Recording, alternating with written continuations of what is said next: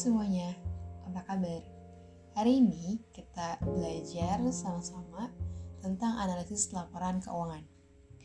Dan sebelumnya, laporan keuangan ini merupakan kondisi keuangan suatu perusahaan yang menunjukkan di mana seberapa besar atau seberapa banyak laba atau ya pendapatan perusahaan tersebut pada saat itu atau pada periode tertentu.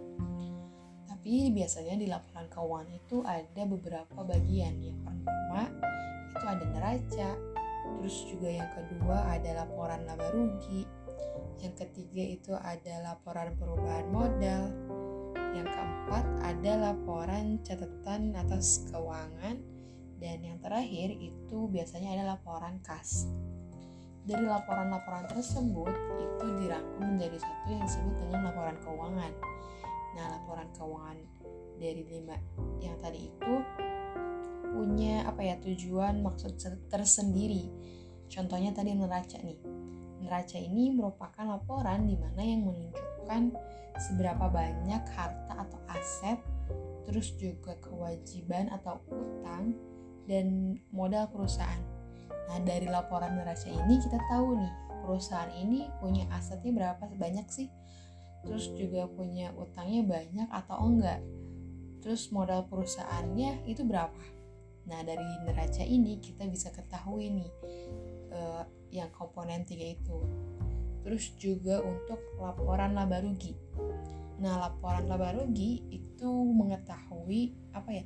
Kita pasti pengen tahu dong perusahaan ini tuh dapat uh, laba atau rugi sih sebenarnya Nah, dari laporan laba rugi ini, kita bisa mengetahui jumlah perolehan pendapatan atau biaya yang telah dikeluarkan sehingga kita dapat e, tahu nih apakah perusahaan itu dalam keadaan laba ataupun rugi.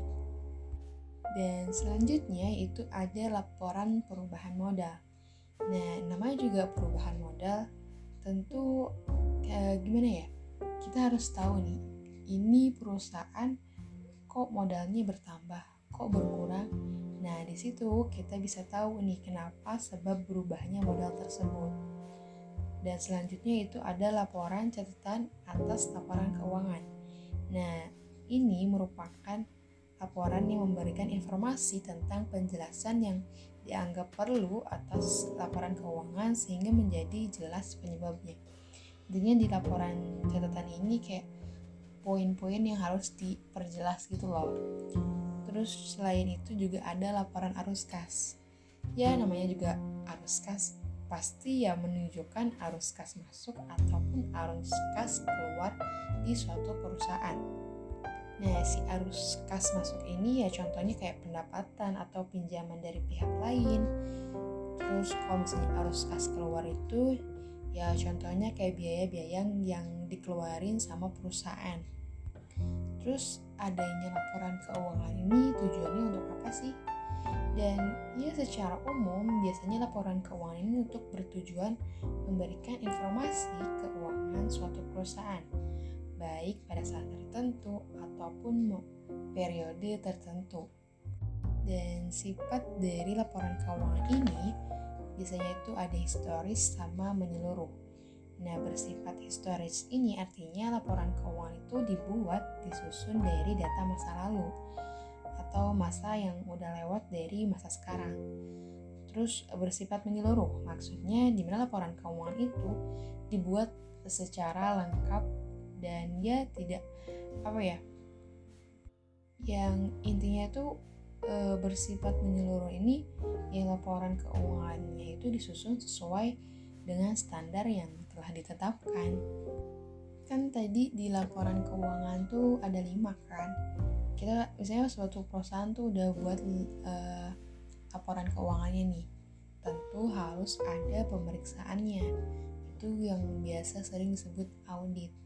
Dalam prakteknya, biasanya pemeriksaan laporan keuangan tuh dilakukan oleh kedua pihak, yaitu pihak dalam e, perusahaannya sendiri ataupun pihak luar perusahaan uh, adanya pemeriksaan laporan keuangan ini di mana bertujuan agar laporan keuangan yang dibuat tadi itu benar-benar dapat dipertanggungjawabkan kepada berbagai pihak, baik kepada pemilik ataupun pihak luar perusahaan.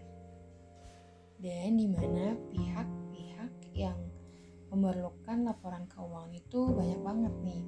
Contohnya yang pertama itu pemilik udah pasti kan pasti butuh banget nih namanya laporan keuangan. Terus juga ada pihak manajemen.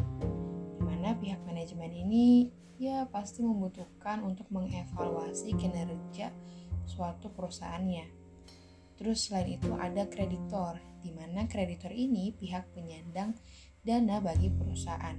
Artinya pihak pemberi dana seperti bank atau lembaga keuangan yang lainnya. Dan selain itu, kita juga eh, selain dari pemilik, terus manajemen dan kreditor ada pemerintah, di mana pemerintah juga perlu nih adanya laporan keuangan kenapa pemerintah itu uh, perlu laporan keuangan di mana ya itu untuk menilai kejujuran suatu perusahaan dalam melaporkan seluruh keuangan perusahaan yang sesungguhnya terus juga pemerintah tuh pengen tahu nih kewajiban perusahaan terhadap negara dari hasil laporan keuangan yang dilaporkan Nah, dari laporan ini akan terlihat nih jumlah pajak yang harus dibayar kepada negara secara jujur dan adil.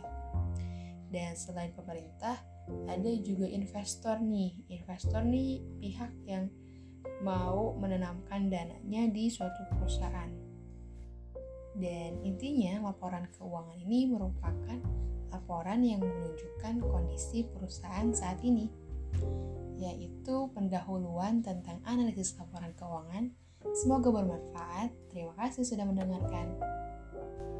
thank you